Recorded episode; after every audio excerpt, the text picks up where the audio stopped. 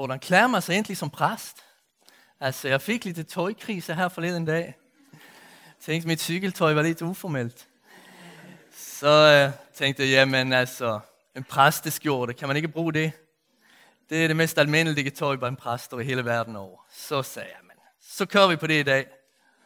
Og øh, hvis I ikke synes godt om det, så må I snakke med Birgitte, for hun har givet mig tilladelse. Så. Men nu skal vi ikke snakke med tøj. Nu skal vi læse dagens evangelium fra Matteus evangeliets 20. kapitel, vers 20-28. Der kom Zebedeus sønnernes mor hen til Jesus sammen med sine sønner, kastede sig ned for ham og ville bede ham om noget. Han spurgte hende, hvad vil du? Hun sagde til ham, sig at mine to sønner her må få sæde i dit rige. Den ene ved din højre, den anden ved din venstre hånd. Jesus svarede, I ved ikke, hvad I beder om. Kan I drikke det bære, jeg skal drikke?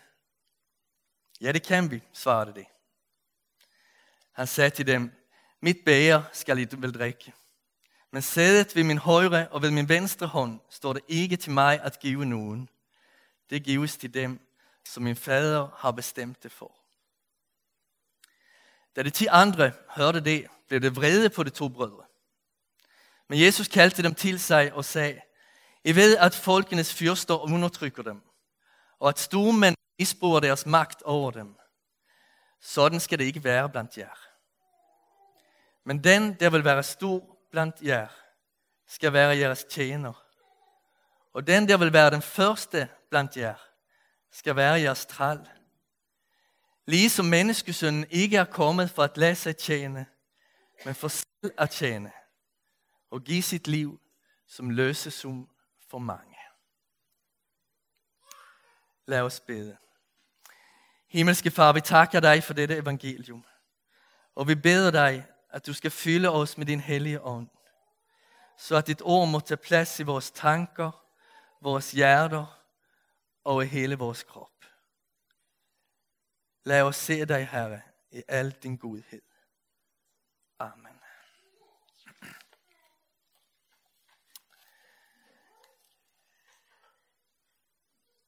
Den som har læst Johannes evangeliet forstår at Jesu disciple Johannes, selvom han sandsynligvis var den yngste i skaren, var utrolig begavet. Evangeliet, som han skrev et stykke op i årene, er et teologisk, teologisk og filosofisk mesterværk. Det vil ikke undre nogen, hvis hans bror Jakob var lige så begavet. Helt sikkert har begge brødrene haft mulighed for uddannelse, vi ved fra evangelierne, at deres far, Zebedeus, ejede to både, og at han havde flere tjenere, så penge manglede der nok ikke. Zebedeus var gift med Marias søster, Salome. Salome var altså Jesus moster, og Jakob og Johannes hans fætre. Vil det ikke være ret naturligt, hvis man tænker både over brødrenes begævelse og deres slægtskab til Jesus, at det fik de to fornemmeste ministerposter i hans kommende regering. Det har det åbenlyst snakket en del om derhjemme, og nu fremlægger Salome det ønske til Jesus. Jesus forstår, at dennes forespørgsel kommer fra hele familien. Så i stedet for at svare Salome, vender han sig direkte til Johannes og Jakob – og det er med følgende spørgsmål. Kan I drikke det bære, jeg skal drikke? I det jødiske påskemåltid drak man fire bære med vin, for at mindes og på nyt aktualisere udtoget ud fra Ægypten. En af de bære blev kaldt vredens bære. Fra den tog man med fingret og dryppede 10 dråber på tallerkenen. En dråbe for hver plage i Ægypten. Det er den bæger, Jesus taler om, når han nu vender sig til Johannes og Jakob. Vredens bæger, lidelsens bæger, plagens bæger. Det svarer ja på spørgsmålet, om det kan drikke bæret. Og Jesus tager dem senere på årene. Efter måltidet i den øvre sal er det, som han siger til dem, lad os nu se, hvor meget I kan være med på. følg med mig ind i Gethsemane og drik af bæret. Så falder han selv på knæ og beder, tag dette bære fra mig. Dog ikke hvad jeg vil, men hvad du vil. Jesus ved, at Johannes og Jakob ikke er klar til at drikke bæret sammen med ham. Men han ved også, at det en dag skal blive det. I at det skal komme at stå urokkeligt faste i sin overbevisning og sin, over, ja, sin overbevisning. Mit bære skal I vel drikke, bekræfter han. Lukas fortæller i Apostlenes Gerninger, kapitel 12, om hvordan Jakob fik erfare det.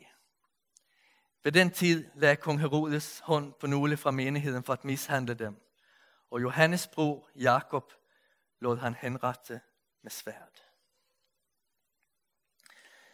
Måske skal Jakob og Johannes alligevel til sidst få de forreste pladser i himmelriget. I hvert fald vil det pladser tildeles nogen, som har drukket, drukket den bæger, som Jesus drak. Som har ydmyget sig og været Jesus tro indtil døden. Vi synes nok, at Jakobs og Johannes familie var uforskammet. Men vi forstår på reaktionerne fra de, andre, fra de, fra de øvrige disciple, at det var lige så ivrige efter magtpositionerne. Samtalen udmunder i Jesu undervisning om tjenende ledelse.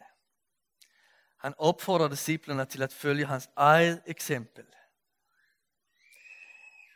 Hvem stod i fokus for Jesus tjeneste? Det gjorde for det første faderen. I alt underordner sig Jesus faderen. Sædet ved min højre og ved min venstre hånd står det ikke til mig at give nogen. Det gives til dem, som min fader har bestemt det for. Jesu ledelse, ja alt han gjorde, udgik fra hans indre forankring i faderen. Ingen kunne korrumpere ham. Ingen kunne købe sig til hans favorisering. Der var overhovedet ingen splittelse i Jesu vilje. Aldrig gik han på kompromis med, hvad faderen havde bestemt.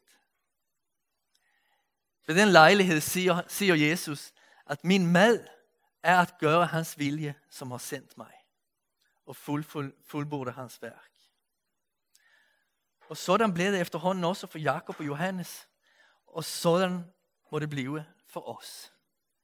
Vi må indtage Guds vilje, ernære os af den, lad den bestemme vores retning i livet. Min mad er at gøre hans vilje. Så faderen er i fokus for Jesus tjeneste. Hvem mere? Jo, os. Også vi er i fokus for Jesus tjeneste. Menneskene er ikke kommet for at lade sig tjene, men for selv at tjene og give sit liv som løsesum for mange. Fra vores tid kender vi betaling af en løsesum fra kidnapninger. I det gamle testamente beskrives situationer, hvor en gældsat person risikerer at blive slave ved sin fodringshaver. Og der står håbet til, at slægtninge vil og formår gå ind og betale kreditoren. Og sådan kan en gældsætte udfries. Vi mennesker har ikke nogen gæld i forhold til Gud, men vi har en skyld. En del mennesker tænker sjældent eller aldrig på sin skyld. Alt der bliver galt er andres eller samfundets fejl. For andre er skylden konstant nærværende. Man kan ikke holde op med at tænke over, hvordan man har dummet sig gennem livet. For nogen er skylden mere diffus. Den er der som en uro, som er svær at fange. For en anden er den meget konkret. Det er som sitter den i mellemgulvet. Det lykkedes os ikke at beskytte vores barn. Tænker man fortvivlet og anklagende af sig selv. Al skyldfølelse er ikke grundet i sand skyld. Men sand skyld eksisterer. Og vi har alle del i den. Gud gav os livet og opfordrer os at tage det imod. Vi skulle leve det i fuld tillid til hans omsorg og udfolde det i godhed, åbenhed og kærlighed mod alle vi møder. Men vi har vist mistro mod ham om at være Gud og pålidelig. Og i stedet sat os selv i først i livet. Vi har søgt vores tryghed i at holde hinanden på afstand gennem mure af frygt og manipulation. I stedet for at vende os op imod Gud, op imod Gud og ud imod vores medmennesker, så er vi, som Martin Luther beskrev det, indkroget i os selv. Det smukke er ødelagt, og vi står der med en ubetalelig skyld til Gud. Ja, det her er den teologiske måde at beskrive det på. Menneskets skyld til Gud. Og det er baggrunden til Jesus ord, ord om, at, øh, om sig selv som løsesum. Jesus levede i vores sted. Det fuldkommende liv, som vi skulle have levet. Og han døde i vores sted, uden at have fortjent det. Vækkelseprædikanten Karl Olof Rosenius, som levede på 1800-tallet, han skriver i et sammenhæng, at Gud på grund af Jesus, på grund af Kristus og hans offer, ser på os, som om vi aldrig havde synet. Gud ser på os, som om vi aldrig havde synet. Til enhver, som søger Kristus i tro, siger han, dine synder er tilgivende. Løsesummen er blevet betalt. Jeg har givet mit liv præcis for dig. Efterbrevet kapitel 1, vers 7. I ham har vi forløsning ved hans blod. Tilgivelse for vores synder ved hans, ved hans rige nåde. En kvinde i Norge, som var ramt af demens, gik til altergang og tog sin tegnebog frem for at betale præsten for gaverne. Men der, der tog præsten oblaten, som var formet som et mønt, en mønt, og sagde til hende, du behøver ikke betale. Kristus har allerede betalt for dig. Dette er hans legeme. Ja, lad, lad os mene om dette, når skylden rammer os og lammer os. Det er blevet betalt. Kristi offer er gav fuldt løsende. Der kræves intet mere. I Hebreerbrevet læser vi, at Jesus med sit eget blod en gang for alle, alle gik ind i det allerhelligste og vandt evig forløsning.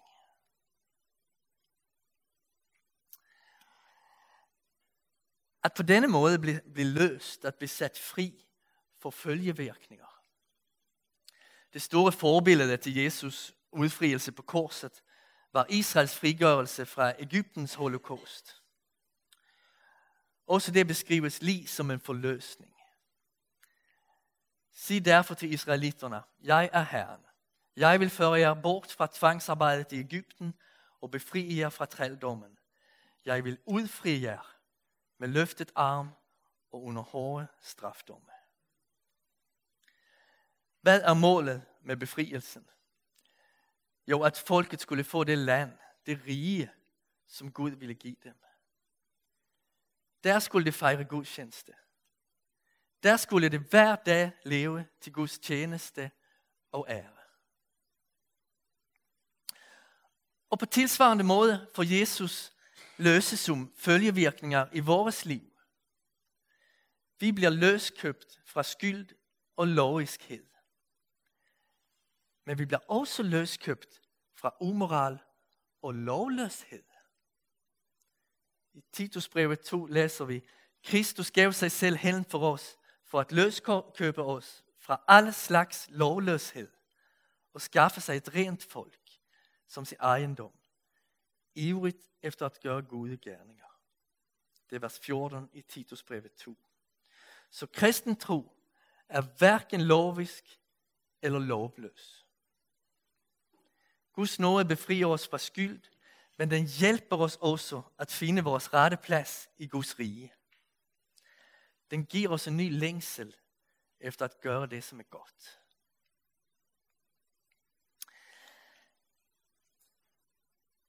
lad os prøve at blive konkret. Konkrete. Hvordan sker det så? Det starter med to indsigter.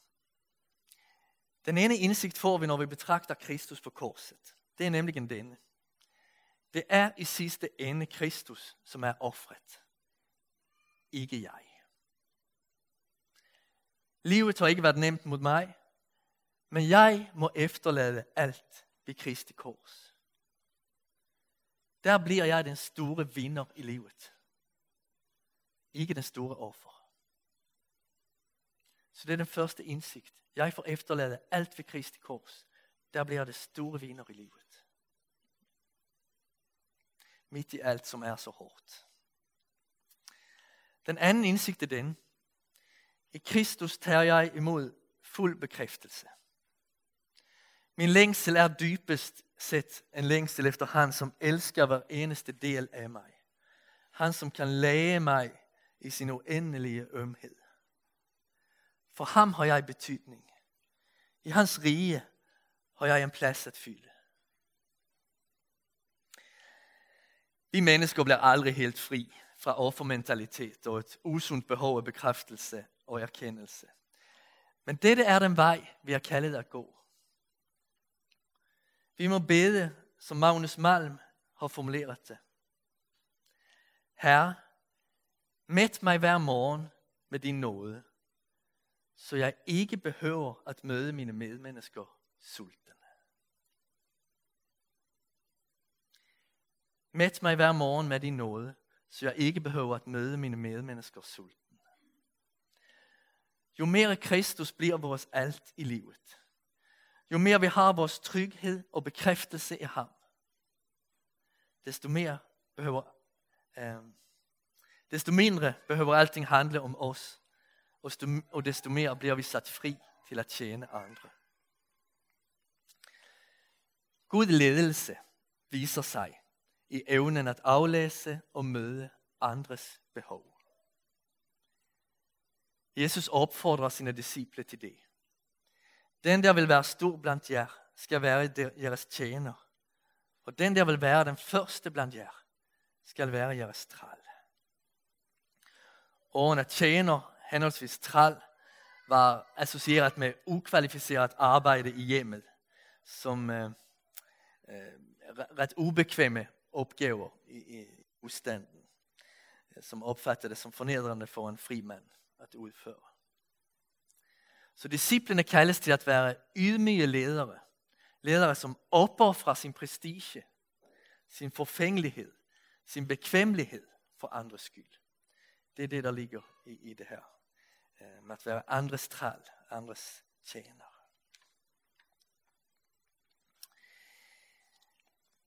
De fleste af os bliver let. Der er mennesker over os og ved siden af os, som vi lærer af, eller som vi har ansvar overfor. Mange af os er også ledere for vores børn eller andre familiemedlemmer i kirken, i foreningen, på arbejdet. Vi behøver dygtiggøre os i vores opgave og få tid at reflektere over, hvad vi laver og hvordan vi kan udvikle os og vokse som ledere. Vi behøver også lære at sætte grænser for os og for andre, så vi orker og kan blive ved over lang tid. Men formålet med dette er aldrig, at vi skal selv realisere os på en måde, som gør os uafhængige af andre. I sidste ende er nemlig ikke den største glæde i livet at være hurtigere, smartere, dygtigere eller smukkere end andre. Snarere finder vi den sande glæde i at høre sammen i det vi mennesker har til fælles.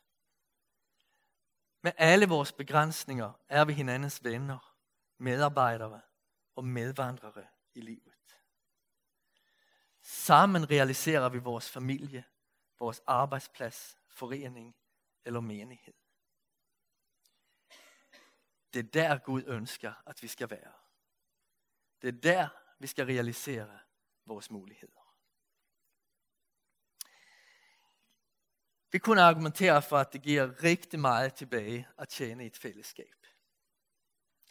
Denne kirke er et udmærket eksempel på det. Hvis du var den eneste, der gav penge eller bidrog med dine gaver, ville det ikke blive til ret meget. I og med, at mange giver, bliver også din gave og din indsats betydningsfuld. Vi kunne også argumentere for, at et menneske behøver et fællesskab, hvor det har opgaver for at lære sig selv godt at kende. Det er ikke nok at mærke efter i sig selv og reflektere over sine reaktioner. Vi har det godt med at komme ud af os selv nogle gange indimellem. Vi kunne videre argumentere for, at livet vil føles meget mere meningsfuldt for den, der vælger at tjene. Sandsynligvis vil han eller hun på sit dødsleje kunne tænke tilbage på et meget rigere liv, end den, som kun lever for sig selv.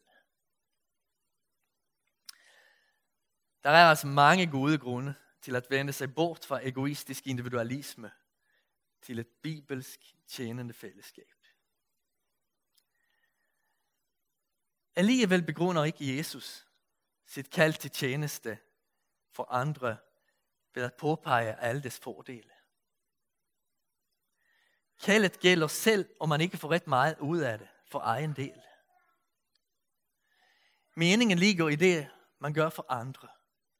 Om det så betyder, at man selv bliver som en træ. Sådan formulerede en biskop det også i en anden sammenhæng.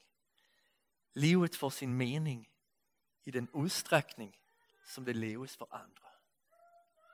Livet får sin mening i den udstrækning, som det leves for andre.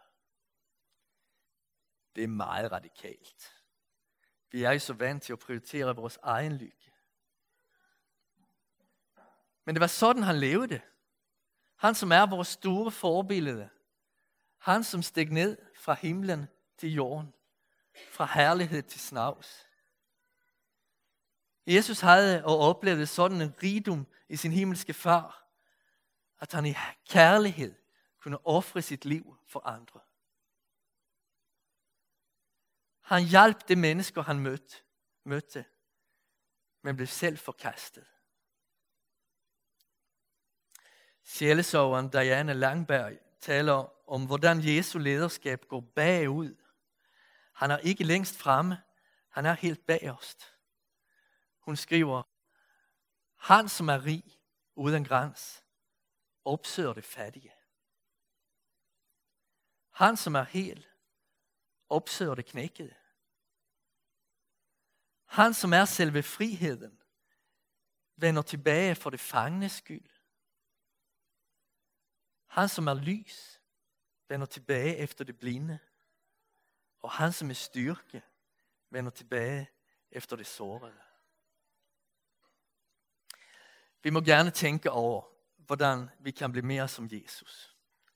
Og bede om at blive formet efter Guds vilje for os. Det er en vigtig bøn at bede. Herre, forme mig. Forme mig efter din vilje. Lad mig blive mere som dig. Men det tanker og bønder bliver nødt til at begynde med, at vi ser, hvordan han har anstrengt sig for vores skyld. Med sit eget liv har han løst os, som var fanget i synd. Hvis vi spørger han, om det var sjovt, vil han nok ryste på hovedet. Og det var heller ikke særlig hyggeligt hele tiden. Men han vil også tilføje, at det dybest set var en glæde for ham. Og at han egentlig aldrig tøvede det. Amen. Vi bliver stille et lille stykke tid for at bede og tænke over, hvad vi har fået lyttet til. Herre, vi takker dig, at du gav dig selv som løsesum for os. Tak for, at du tjenede os ind til døden. Og vi beder, at du skal give os af dit sind. Gør os til mennesker, som offrer for andres skyld, og som altid lever af din nåde og kærlighed. Amen. Lad os så rejse os og bekende kirkens tro. kommer, kommer den her op på væggen? Nej. Ja. Vi forsager djævelen og alle hans gerninger og alt hans væsen. Vi tror på Gud Fader, den almægtige, himlens og jordens skaber. Vi tror på Jesus Kristus, hans enbårne søn, vor Herre, som er undfanget ved Helion, født af Jomfru Maria, pint under Pontius Pilatus, korsfæstet død og begravet, nedfaret til dødsriget, på tredje dag opstanden fra de døde, opfaret til himmels, siddende ved Gud Faders den almægtiges højre hånd, hvorfra han skal komme til at dømme levende og døde. Vi tror på Helligånden, den hellige almindelige kirke, det hellige samfund, syndernes forladelse, kødets opstandelse og det evige liv.